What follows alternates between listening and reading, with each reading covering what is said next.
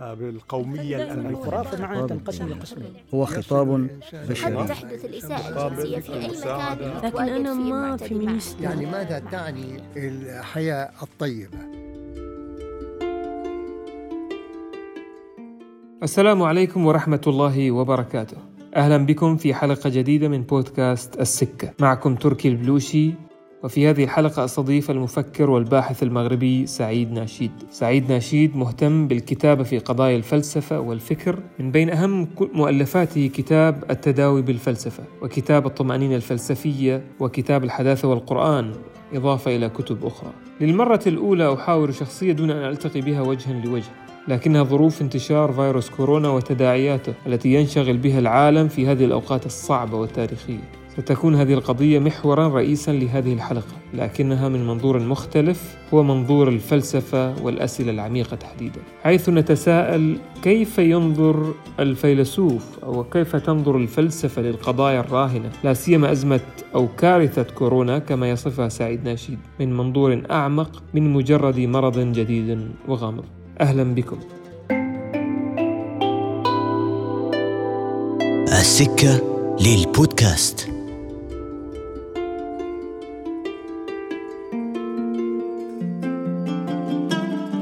أهلا وسهلا بك المفكر والكاتب سعيد ناشيد اذا في بودكاست السكة. وهذا الحوار الذي يعني آه، يكون حقيقة عبر الواقع الافتراضي أو هو عبر شبكة افتراضية لنتحدث اليوم في أزمة راهنة في في هذا التوقيت تحديدا. العالم كله منشغل بازمه كورونا تحديدا. هذه الأزمة التي تعبر الحدود الآن. معظم الحدود مغلقة الدول منشغلة بإجراءات حازمة وصارمة ومشددة للسيطرة على انتشار هذه الجائحة.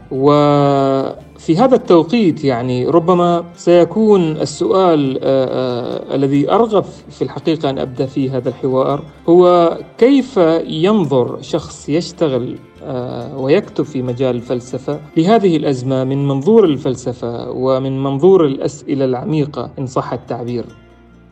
أهلا بك صديقي تركي وسعيد بهذا اللقاء أه وآمل السلامة للجميع في هذه الظروف الاستثنائية التي تمر منها البشرية. أه إلا أن هذه الظروف أه هي أيضا فرصة للتذكير بأن هذه الجائحة وهذا أيضا من الأمور التي ننساها عادة. هذه الجائحة ليست هي الأولى في تاريخ البشرية وعلى الأرجح لن تكون الأخيرة إذ لا شيء يدل أنها ستكون الأخيرة.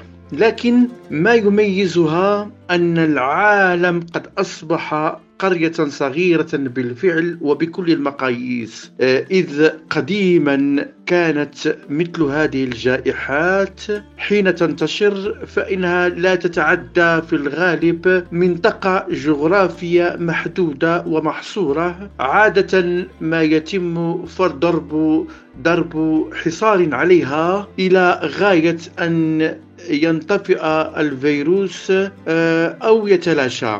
وفي غياب التحاليل المخبرية كان يصطلح على مثل هذه الأمراض باسم الطاعون. أما اليوم فنحن العالم قد أصبح قرية صغيرة بكل المقاييس. أنفلونزا نشطة يمكن أن تنت يعني أن أن تصيب البشرية جمعاء في أيام معدودة وذلك بفعل آه، يعني آليات الاتصال أو تكنولوجيا الاتصال السريعة والفائقة السرعة كذلك. آه، الذي يمكن أن تفعله الفلسفة في مثل هذه الظروف؟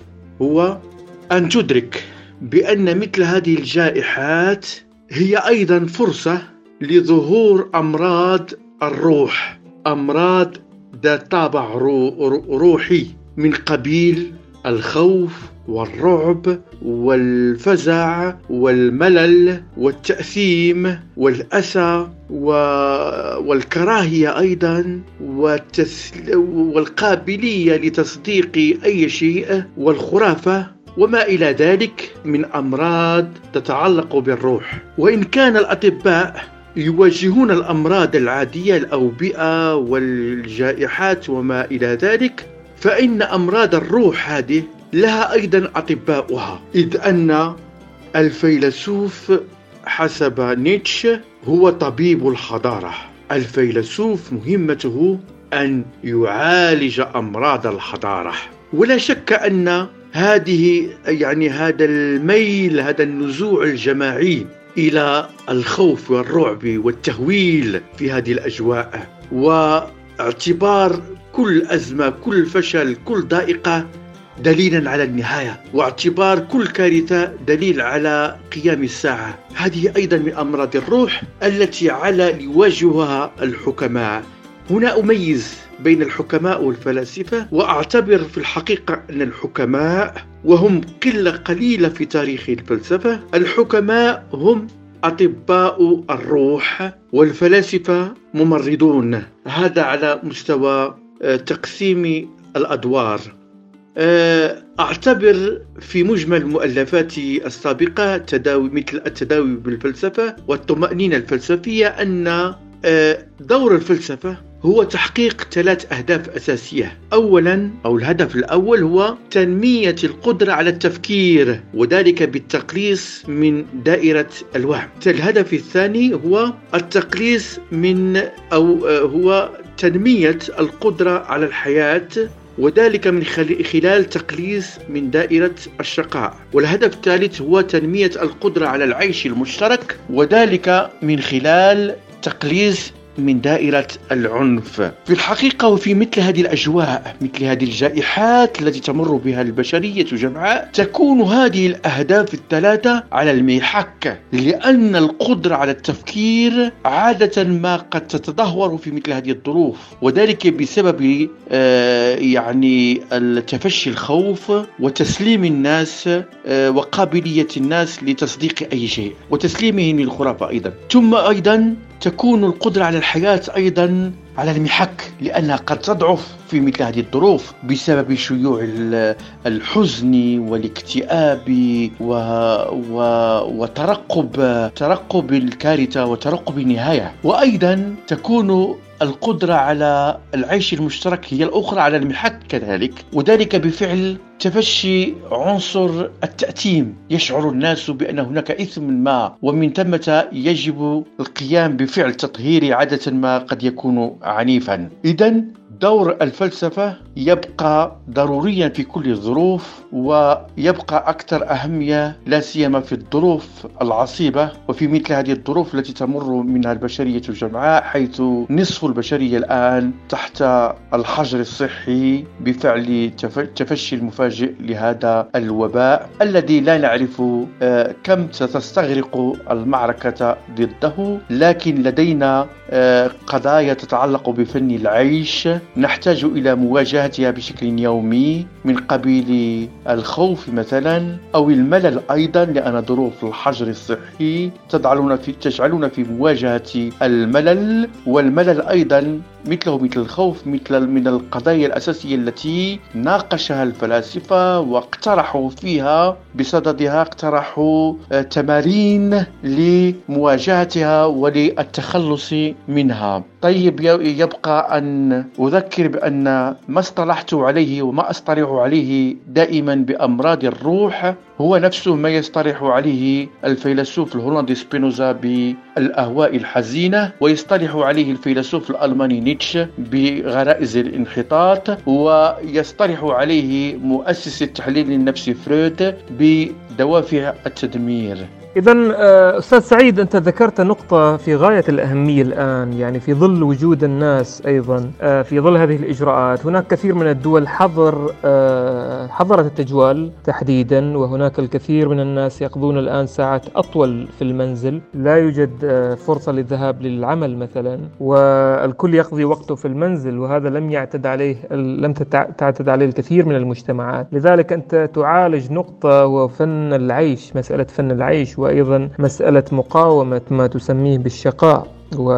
واليوم نجد أنه الناس آه، تعبر عن هذا الضجر في في ظل وجودها في منطقة المنزل مثلا فقط أو منطقة القرية فقط مثلا بسبب هذه الظروف. لكن آه، في هذا المنظور كيف يمكن أن تعالج الفلسفة هذا الجانب؟ مسألة فن العيش مثلا في ظل هذه الإجراءات يعني كيف تنظر بأنها يمكن أن تكون سبيل في تجاوز محنة البقاء في منطقة معينة لأجل الحفاظ على آه، آه، صحة الناس وأرواح الناس في هذه الظروف مثلا. باعتباره أيضا مدخل فلسفي وأنت عالجته في في كتابك التداوي بالفلسفة والطمأنينة الفلسفية أيضا. لعل المبدأ الأساسي للحكمة وللفلسفة العملية آه، هو أن العالم لم يخلق من أجلنا. هذا هو المبدأ الأساسي. العالم لم يخلق لكي يناسبنا. ولذلك فإن وجود الشر في العالم هو وجود جذري وأصيل ولا يمكن آه لا يمكن القضاء التخلص منه. الخلاص من الشر غير ممكن. كل ما يمكن هو أن نتمرن على التحمل. عالم بلا ألم بلا مرض بلا فشل بلا أزمة. بلا ضياع بلا فقد هذا العالم غير موجود. العالم الذي لدينا هو هذا العالم كما هو الآن. إلا أن المنبع الأصلي للشقاء مصدر الشقاء ليس هو هذا العالم ليس هو العالم نفسه ولكن هو رؤيتنا إلى العالم. هذا مبدأ أساسي من مبادئ الفلسفة العملية أو فلس أو فن العيش. وعندما أتحدث عن الفلسفة العملية فأنا أتحدث عن مدارس أساسية في الفلسفة من الأبيقورية والرواقية لا سيما في العصر الروماني إلى فلاسفة كبار في العصر الحديث ثم العصر الفترة المعاصرة. كلهم اهتموا بهذا الجوانب. ومحصلة القول أن مصدر الشقاء ليس حدوث ما يحدث لكن مصدر الشقاء هو الاعتقاد بأن ما يحدث لا يجب أن يحدث ما كان يجب أن يحدث. حين أعتقد بأن ما يحدث ما كان يجب أن يحدث هنا أصبح معرضا للشقاء. أما عندما أفهم عندما أستوعب بأن كل ما يحدث هو ضروري في الطبيعة ويجب أن أواجهه على هذا الأساس دون تذمر لأني عندما أقول أعتقد بأن ما يحدث لا ما كان يجب أن يحدث سأشعر فقط بالتذمر والأسى وما إلى ذلك من أهواء تعيسة تسبب الشقاء للإنسان. أصل الحكمة هو أن كلنا نحن في عالم لم يخلق من أجلنا وأن كل وأن أن, أن, أن الأشياء غير مرتبة لإرضائنا. لا شيء يوجد لأجل إرضائنا. يجب أن نتعلم كيف نواجه الألم؟ كيف نواجه المرض؟ كيف نواجه الكوارث؟ وكيف نحافظ على استعمال عقولنا حتى في أسوأ الظروف؟ لأن الإنسان عندما يسيء استعمال عقله فهو يخسر كل شيء ويسقط مباشرة في الشقاء. سميت الحكمة بالحكمة وسمي الحكيم حكيما لأنه لغة يحكم نفسه. يفترض أن تكون لدينا القدرة على أن نحكم أنفسنا وهذا من ضمن المهارات التي تنميها الفلسفة العملية. القدرة على التحكم في الانفعالات القدرة على التحكم في الرغبات والقدرة على التحكم في الأفكار التي تأتينا آه، إلى رؤوسنا. فترة الحجر الصحي تفرض تحديا أوليا هو أننا نحتاج إلى تغيير مفاجئ في أسلوب حياتنا. وهذا الأمر ليس سهلا. حتى في الدول المتقدمة والمتقدمة جدا وجدت السلطات مشكلة كبيرة في إقناع الناس بتغيير سلوكهم لمواجهة المرض. المرء لا يميل بطبعه إلى تغيير سلوكه بسرعة لأنه يتعود على نمط معين. ومن ثم نحتاج إلى مرونة إلى أن يكون الشخص مرنا. هذا المعطى يجب استحضاره في مؤسسات التنشئة الاجتماعية والتربية والمدرسة وما إلى ذلك. أن ينشأ الإنسان منذ صغره على أن يكون مرنا. في اللحظة التي أحتاج فيها إلى تغيير سلوكي يجب أن أستوعب الأمر بسرعة وألتقط الإشارة بسرعة وأستوعب الأمر وأغير سلوكي في الحال. لذلك أقول إذا استوعبنا الأمر بشكل يعني إيجابي فإننا قد نكتسب قد نغنم من هذه الظروف إذ أن ظروف الحجر الصحي هي أيضا قد تكون ظروف مؤاتية وهي فعلا كذلك لأجل تحقيق أهداف أساسية في حياتنا. قد أسرد منها مثلا العودة إلى الذات كل واحد يعود إلى ذاته. هذه فرصة. هذه فرصة لكي أعود إلى ذاتي لكي أسائلها لكي أحاورها لكي أنصت إليها أصغي, أصغي إليها لأننا عادة في سياق الحياة العادية الحياة اليومية العادية فإننا نهرب عادة من ذواتنا لا نريد أن نصغي إليها. هي إذا فرصة لذلك لكي نصغي إلى ذواتنا نحاورها ونفهمها و... ونستوعب حاجيتها أيضا. ونتصالح معها لما لا؟ وهو أيضا فرصة لتنمية بعض المهارات. إذ تكون لدينا عادة مهارات كثيرة وأساسية لكننا في ظروف الحياة اليومية العادية لا نجد ما يكفي من الوقت لكي نطورها. فتكون هذه الفرصة فرصة الحجر الصحي المنزلي مناسبة لكي ننمي قدراتنا ومهاراتنا في كثير من المجالات. القراءة، الكتابة، الموسيقى، الغناء، الطبخ، الأعمال اليدوية وما إلى ذلك. ثم أن ظروف الحجر الصحي قد تكون أيضا فرصة للتمرن وهذا ليس مكسبا سهلا للتمرن على التحكم في غرائز الجشع والتسوق والاستهلاك. إذ أننا عادة لا نقع في فخ الاستهلاك المفرط إلا أثناء تجولنا الاعتيادي في الشوارع. إذا هي فرصة لكي نتحكم أيضا في غريزة الجشع لدينا ونغنم مكاسب نخرج بمكاسب من هذه المعركة. وهي أيضا في المستوى الإجمالي في مستوى آه، المجتمع والدولة والحضارة بصفة عامة. مناسبة أيضا للانتقال لما لا إلى حضارة المستقبل. حضارة العمل والاشتغال عن بعد حضارة التعلم عن بعد ولما لا على الأقل نتعلم ونكتسب القدرة على هذا الانتقال. جميل جميل أستاذ سعيد. اذا أنت تشير في في هذه الجزئية أن كل ما يحدث اليوم هو ضروري لأجل الطبيعة واتساقها وأنه يعني كما ترى أنت بانه لا ينبغي أن يكون هناك تذمر في آه، ما هي مسببات هكذا أزمات وأنه على المجتمعات أن تتعلم آه، في كيفية مواجهة هذه الأزمات وتتمرن عليها أيضا. وأنت تشير أيضا بأنه على الحكومات أن تسير في هذا الدرب أيضا وأن تعيد قراءة الذات آه، في سياق السياسة والإقتصاد والجوانب الاجتماعية أيضا. لكن سؤالي الآن يعني كيف تقرأ اليوم أيضا في في هذا الاتجاه؟ الخطوات المتخذة من قبل الحكومات في أوروبا وفي العالم العربي أيضا؟ يعني كيف تقيس هذه الإجراءات من منظور مثلا حقوق الإنسان وحماية الحياة العامة؟ وهل تجد بأنها يعني من حيث المبدأ تتواءم مع القيم الإنسانية التي يعني طالما كانت آه ذات أهمية ومدعاة للإثارة والنقاش دائما خاصة في المجتمعات العربية مثلا؟ أعتقد أن الحكومات عبر العالم لم تأخذ كلها الأمر على نفس القدر من الجدية بل تفاوت الأمر في التقدير بين حكومة وأخرى، البعض تأخر والبعض الآخر استطاع أن يتخذ بعض الخطوات الاستباقية وبين هذا وذاك هناك مراتب.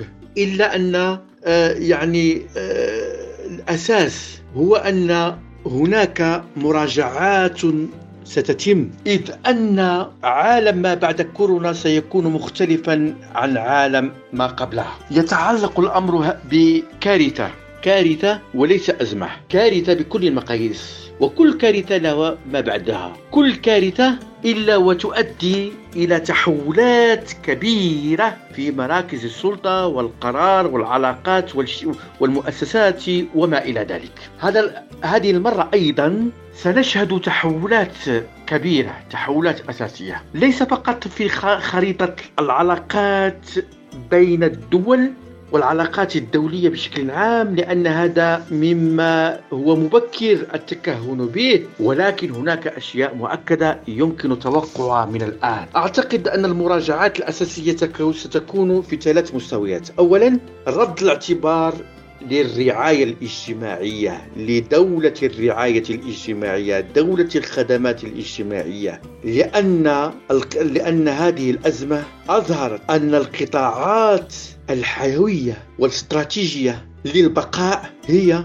الصحة والتعليم والأمن. ويجب على الدول أن تستثمر بشكل أساسي في هذه القطاعات لأن هذه الجائحة لن تكون الأخيرة. ستأتي بين الفينة الفينة والأخرى جائحات تماثلها. ثم أيضا ضمن التحولات المرتقبة هو سرعة الانتقال إلى ما يسمى بحضارة المستقبل. فيجب أن ندرك من الآن أن كثيرا من المقاولات والمؤسسات الإنتاجية التي نقلت مركز الثقل من العمل المكتبي من العمل في المؤسسة الإنتاجية إلى البيت إلى المنزل هي لن تكون مستعدة على التراجع عن هذه الخطوة عندما تنتهي, تنتهي كارثة كورونا. لأنها استطاعت أيضا في ظل هذا الانتقال أن تغنم مكاسب يصعب أن تتراجع عنها. مكاسب تتعلق بميزانية التدبير النقل والتنقل وكلفة المكاتب وما إلى ذلك. أيضا المؤسسات التعليمية ستغنم كثيرا من استراتيجية التعلم عن بعد. ولا شك في أن هذه الفترة آه، يعني أفلست كثير من المقاولات هذا صحيح لكن أيضا كثير من المقاولات الأخرى أو بعض المقاولات التي ستنجو ستنتقل مباشرة إلى تقنيات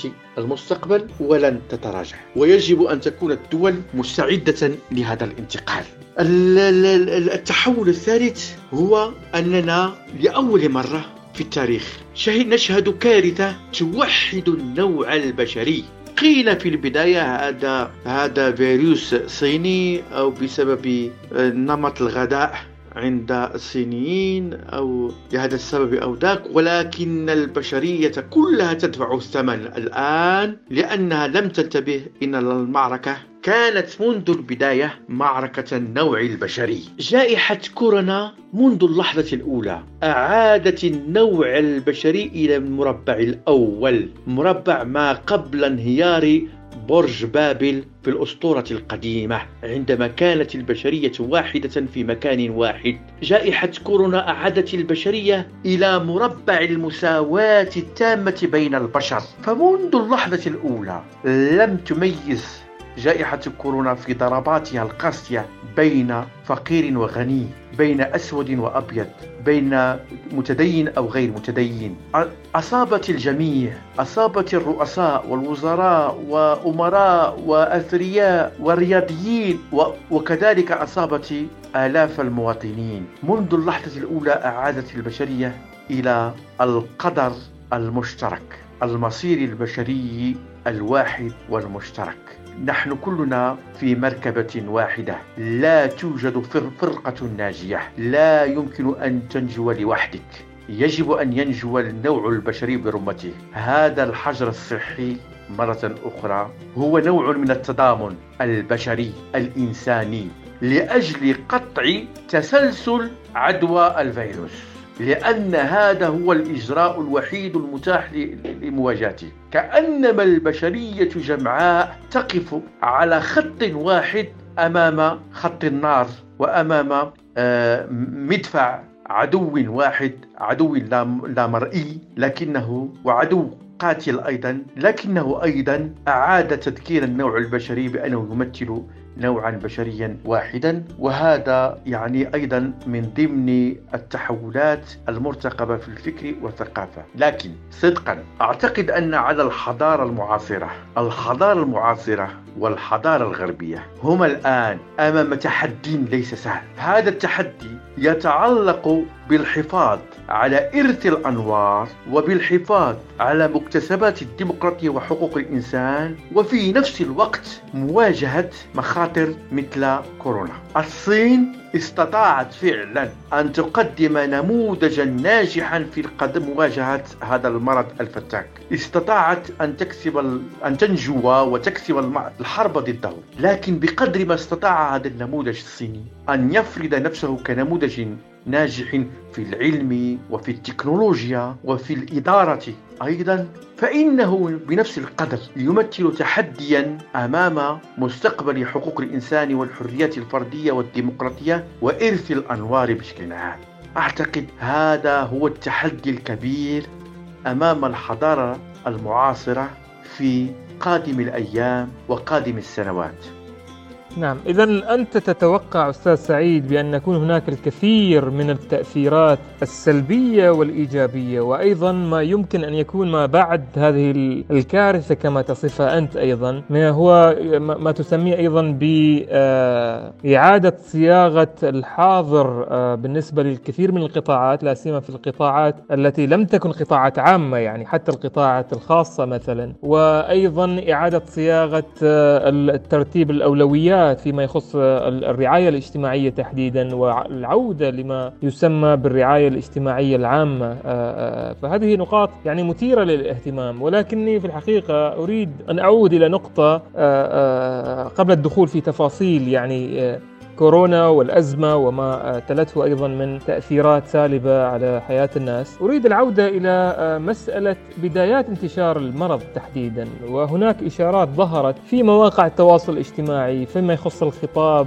العام في بعض المجتمعات آه، والذي لم يخلو من التشفي آه، في الحضارات القوية كما تقول أنت في أحد المقالات التي نشرتها في فيسبوك مثلا. وأيضا ما تسميه بالشماتة في في الشعور بالعجز العجز والفشل وتحويله إلى الكراهية بالنسبة للآخرين وأيضا تفاقم وساوس نظرية المؤامرة كما آه، ذكرت أيضا وظهور يعني بعض الأفكار الخرافية أيضا في ظل هكذا أزمات، يعني سؤالي لماذا تعود هذه الخطابات من جديد في في بعض المجتمعات؟ ولا أقول حصرا إنها مجتمعات العربية ولا أقول إنها في في في المجتمعات عموما، لماذا تعود هذه الخطابات في ظل هذه الأزمات والكوارث كما كما تقول يعني؟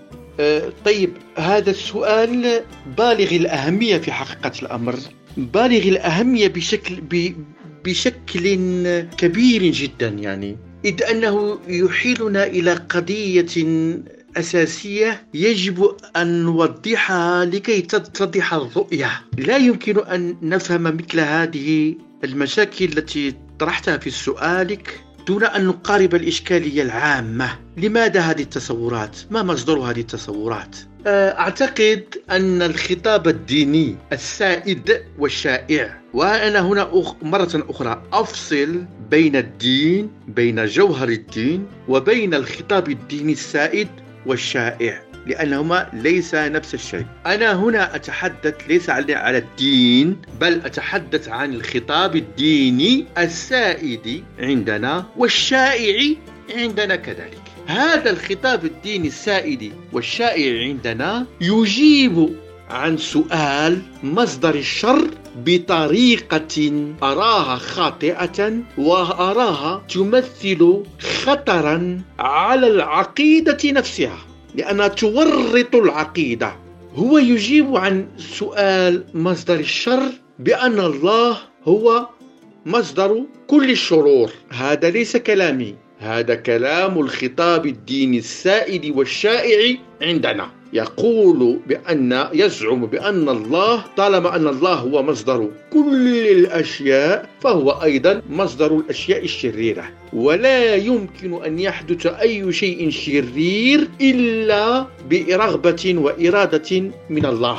ويبقى السؤال طبعا سؤال أخلاقي كيف يكون الله عادلا وهو يبعث الشرور يبعث أشياء نحكم عليها بالحس السليم بأنها شريرة أو أنها ضمن نطاق الشر شر بلا لبس بلا خلاف. لا أحد يختلف مع فكرة أن كورونا بهذا الشكل فيروس كورونا هو فعل قاس ومؤلم وشرير أيضا بالمعنى الأخلاقي للكلمة. إذا كيف يكون الله عادلا وهو يبعث وهو تصدر عنه هذه الشرور. إذا لابد من سبب. ف بناء على الخطاب الديني السائد عندنا والشائع عندنا طالما أن الله هو مصدر الشرور فلا بد أن نبحث عن سبب يجعل الشر عادلا. ومن ثمة عندما ظهر هذا هذا هذا هذا الشر في في الصين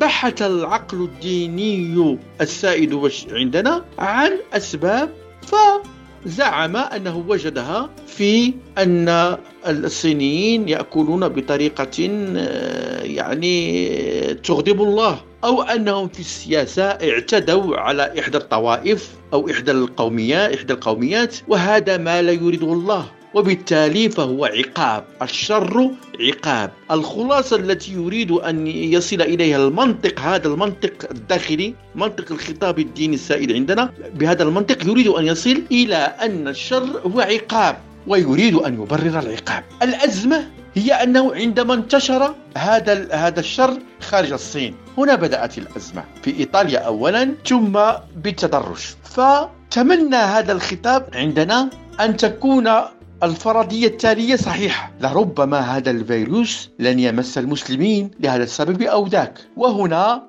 يبقى أن هذا الفعل هو فعل عادل في آخر المطاف. وبعد أن مس المسلمين أصبح هذا المنطق نفسه في أزمة.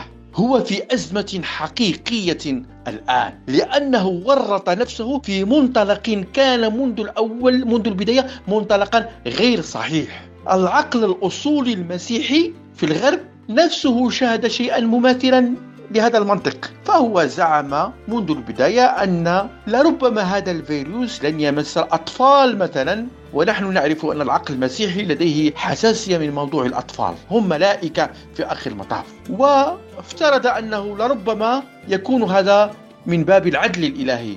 أن يعاقب الكبار لكن الصغار هم أبرياء. لكن عندما أصابت كورونا الأطفال أيضا وحتى الرضع وجد الخطاب الأصولي المسيحي نفسه في أزمة مماثلة المنطلق أقول غير صحيح. المنطلق غير أخلاقي. المنطلق يورط العقيدة فيما لا يجب أن نورطها فيه ومرة أخرى ما الحل؟ كيف نخرج بتصورات؟ وهذه أيضا ضمن الأشياء التي يجب تغييرها في عالم ما بعد كورونا أن نعيد بناء منظومتنا الدينية بشكل جديد بشكل مناسب ومرة أخرى فإن تاريخ الفلسفة يمنحنا أشكال آه، عقلانية لإعادة بناء منظومة الخطاب الديني على أساس أخلاقي وإنساني و وعقلاني وواقعي أيضا. مثلا هناك يعني تصورات كثيرة تعود إلى قد يعني تعود إلى فلاسفة كثيرين لايبنز مثلا في موضوع الشر. ولكن أنا شخصيا أميل إلى تصور الفيلسوف الفرنسية سيمون فايل. ماذا تقول؟ تقول هكذا. الله مثل الأب. الأب رحيم بأبنائه. ولا يمكن أن يكون إلا رحيما بأبنائه. ومن باب رحمة الأب بأبنائه أنه يسحب سلطته على أبنائه. لا يمارس سلطته على أبنائه بشكل كامل. لا يمارس حضوره على أبنائه بشكل كامل. ينسحب قليلا حتى يتيح لأبنائه أن يفرضوا وجودهم وأن يحققوا ذواتهم وأن ينجزوا قصصهم. بأنفسهم. انسحاب الله من العالم هو الذي أتاح الفرصة لكي يوجد العالم ويوجد الإنسان. لكن أيضا أمام هذا الانسحاب ظهرت كثير من الشرور التي ليس مصدرها الله بالنسبة لسيمون فايل ولكن مصدرها هو العكس انسحاب الله عن العالم لكي يترك مجالا فسيحا لأبنائه آه، البشرية لكي تحقق قصتها وحكايتها وتاريخها بشكل مستقل عن الأب. أعتقد أننا في آخر المطاف بصرف النظر عن هذه الفيلسوف أو ذاك يمكننا أن نعيد بناء الرؤية الدينية بشكل أكثر أخلاقية وأكثر إنسانية فلا نحاول أن نبرر الشر بأنه مصدر الله وأن نجعل الله آه، مترفعا وعاليا ومتعاليا عن صغائر الأمور مثل الفيروسات والجراثيم والأمراض وما إلى ذلك. نعم.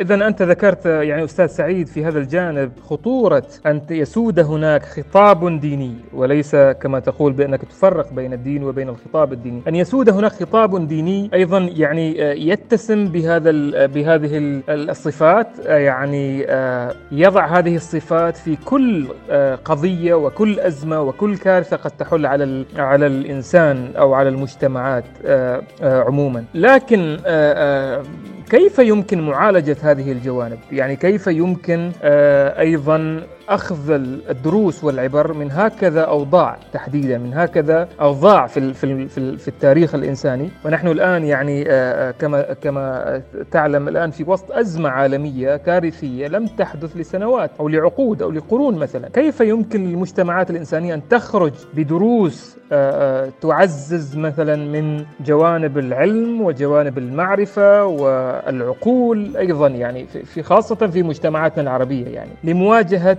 هكذا آه، طاعون كما تسميه أنت أيضا أو كما تسميه الطاعون الآخر مثلا. فنعم هذا هو سؤالي يعني كيف يمكننا أن نتجاوز هذا كله؟ بكل تأكيد فإن حالة الوعي يجب أن تتغير برمتها. وعطفا على سؤالك فيجب أن تتغير حالة الوعي في الخطاب الديني نفسه. يجب على الخطاب الديني عندنا. أن يقطع مع مفاهيم تنتمي إلى عصر التوسعات الإمبراطورية وهو عصر مضى كان قديما. كانت تلك المفاهيم مبررة في العصور القديمة إنما هي غير مبررة الآن. مفاهيم من قبيل دار الحرب ودار الإسلام والفرقة الناجية والغنيمة والجزية والجهاد ولواء الإسلام وما إلى ذلك من مفاهيم عسكرية تعود إلى تناسب عصر التوسعات الإمبراطورية الذي مضى كان قديما هذا. هذه المفاهيم لم تعد تناسب عصرنا الحالي. عصر الدولة الوطنية بل إنه عصر وحدة النوع البشري في آخر المطاف. يجب أيضا على علماء الدين عندنا أن يكفوا عن ترديد أدعية الحقد والكراهية. من قبيل أننا في كل جمعة لا نزال نسمع نفس الأدعية. اللهم شتت شملهم اللهم رمل نساءهم اللهم يتم أطفالهم. وما إلى ذلك من أدعية تؤجج غرائز الانحطاط عند الإنسان. تؤجج دوافع التدمير عند الإنسان. تؤجج الأهواء الحزينة والتعيسة عند الإنسان. وفي آخر المطاف تهدد الحضارة بالانهيار. وفي الأخير نردد هذه الأدعية وفي الأخير نتفاجأ ونتساءل من أين لنا هذا الإرهاب؟ إنه من من هذا من يصنع انطلاقا من الشحن من التجييش من التهييج بمفاهيم لم يعد هذا زمانها بكل تأكيد. ثم يجب أيضا أن نعمل بالفعل على الانتقال إلى نمط جديد من الإسلام إلى إسلام جديد إسلام إنساني. إسلام روحاني إسلام مدني إسلام الفطرة أو سميه ما شئت. إنما أنا أعتبره جوهر الإسلام وهو يختلف بكل تأكيد عن العصر العصور التي مضت. تلك العصور التي هي في كل الأحوال يصدق عليها القول القرآني تلك أمة خلت لها ما كسبت ولكم ما كسبتم ولا تسألون عما كانوا يفعلون لكل عصر أيضا لكل عصر آلياته وحاجياته ومفاهيمه وخطابه. نحن نحتاج إلى خطاب إنساني في كل المجالات في كل المؤسسات.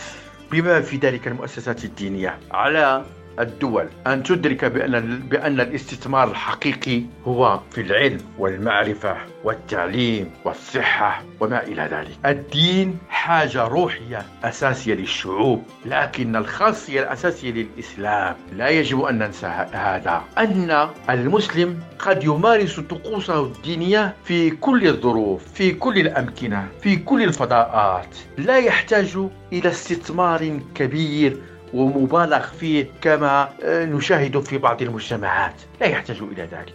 لكي يح يعني يتمتع المسلم بالأمن الروحي الذي يحتاج إليه فهو فكل الأمكنة مناسبة.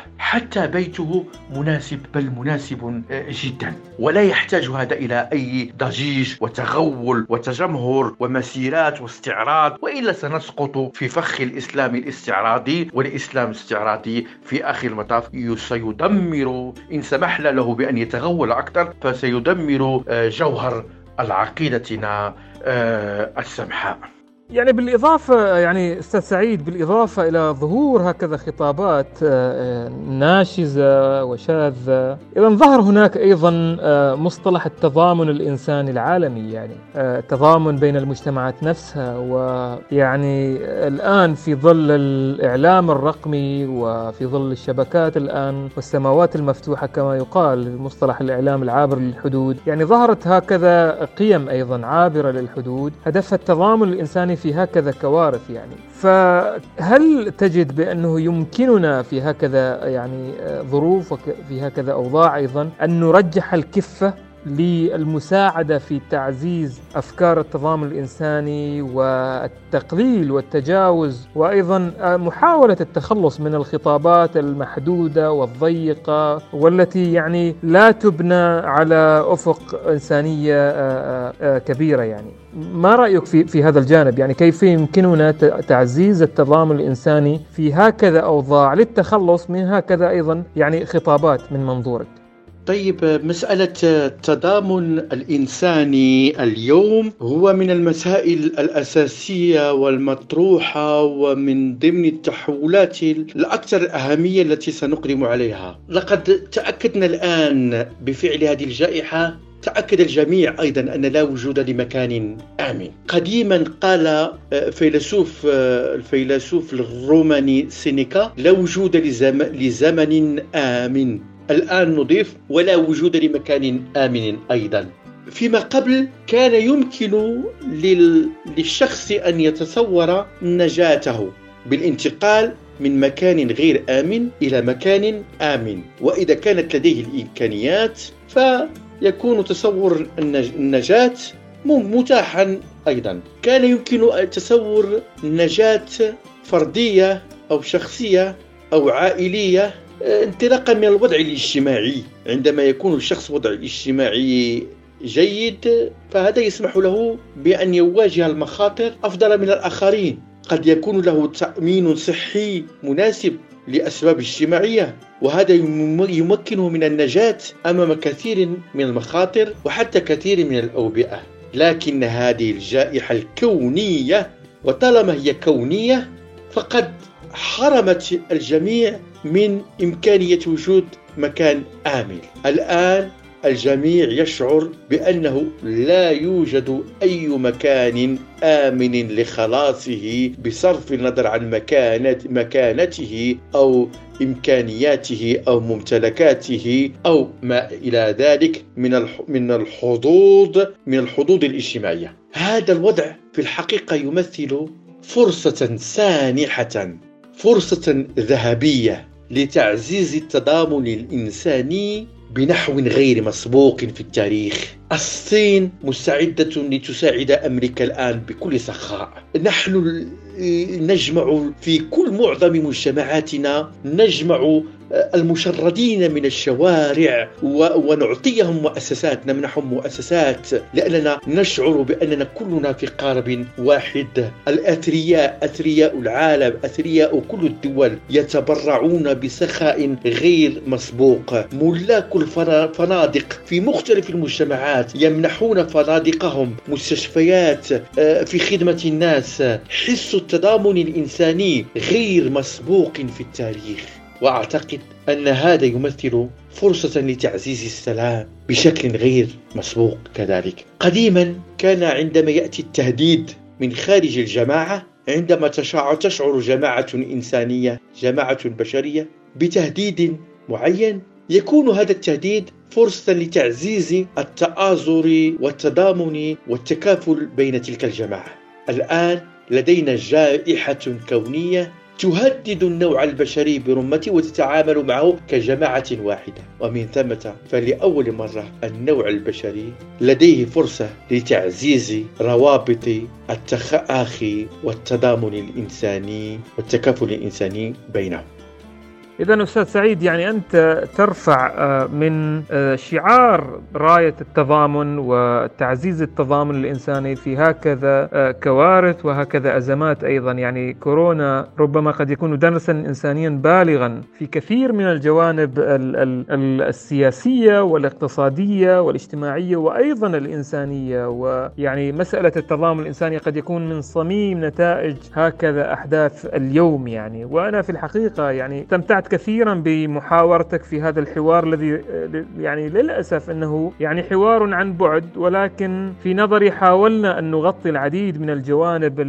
المهمة في في هكذا يعني توقيت تحديدا. وربما يعني آه، أستغل هذه الفرصة في في السؤال الأخير بأن أقول ما الذي يمكن أن تقوله كخلاصة لهذا لهذا الحوار للمستمعين في في في هذا الحلقة تحديدا؟ يعني ما الذي تريد أن تقوله في خلاصة هذا الحوار في ظل هذا التوقيت الآن يعني إن, إن صح التعبير. لا شك أن الالتزام بالحجر الصحي وبكل أوامر السلطات الصحية في هذه الظروف أمر مطلوب وهو مسألة بقاء في آخر المطاف. هذا الأمر هذا الأمر الصادر عن السلطات والسلطات الصحية. لا يجب أن نعتبره فقط أمرا صادرا عن سلطات خارجية بل يجب أن نستبطنه. فنعتبره أمرا صادرا عن ضمائرنا الأخلاقية والإنسانية. يجب أن نمارسه بأريحية وبشكل طوعي.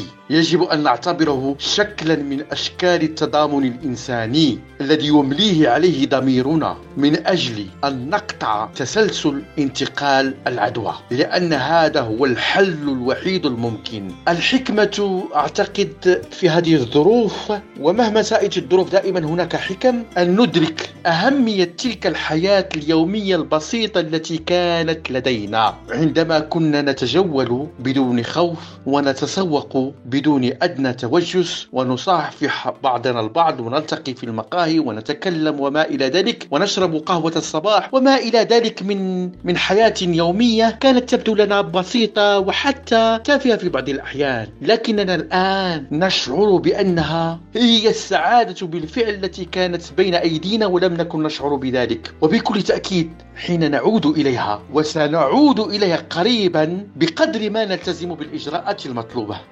سنستمتع بها أيضا بشكل أفضل من السابق لأنها جاءت بعد فقد مؤقت لكننا أيضا سنكون قد اكتسبنا مهارات جديدة في التواصل الأسري في تدبير الملل وفي تقليص تقليص من غريزة الاستهلاك أيضا أثناء التسوق. وسيكتسب أيضا أبناؤنا وتلاميذتنا القدرة على التعلم الذاتي. سيتقدمون في هذا المنحى دون أن ننسى المكاسب البيئية أيضا من حيث البيئة والهواء وما إلى ذلك. أخيرا آمل السلامة لك صديقي ولطاقم هذا البرنامج.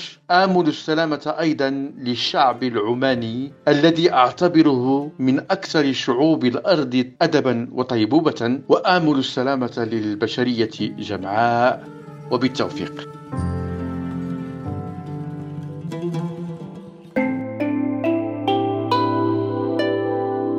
السكة للبودكاست.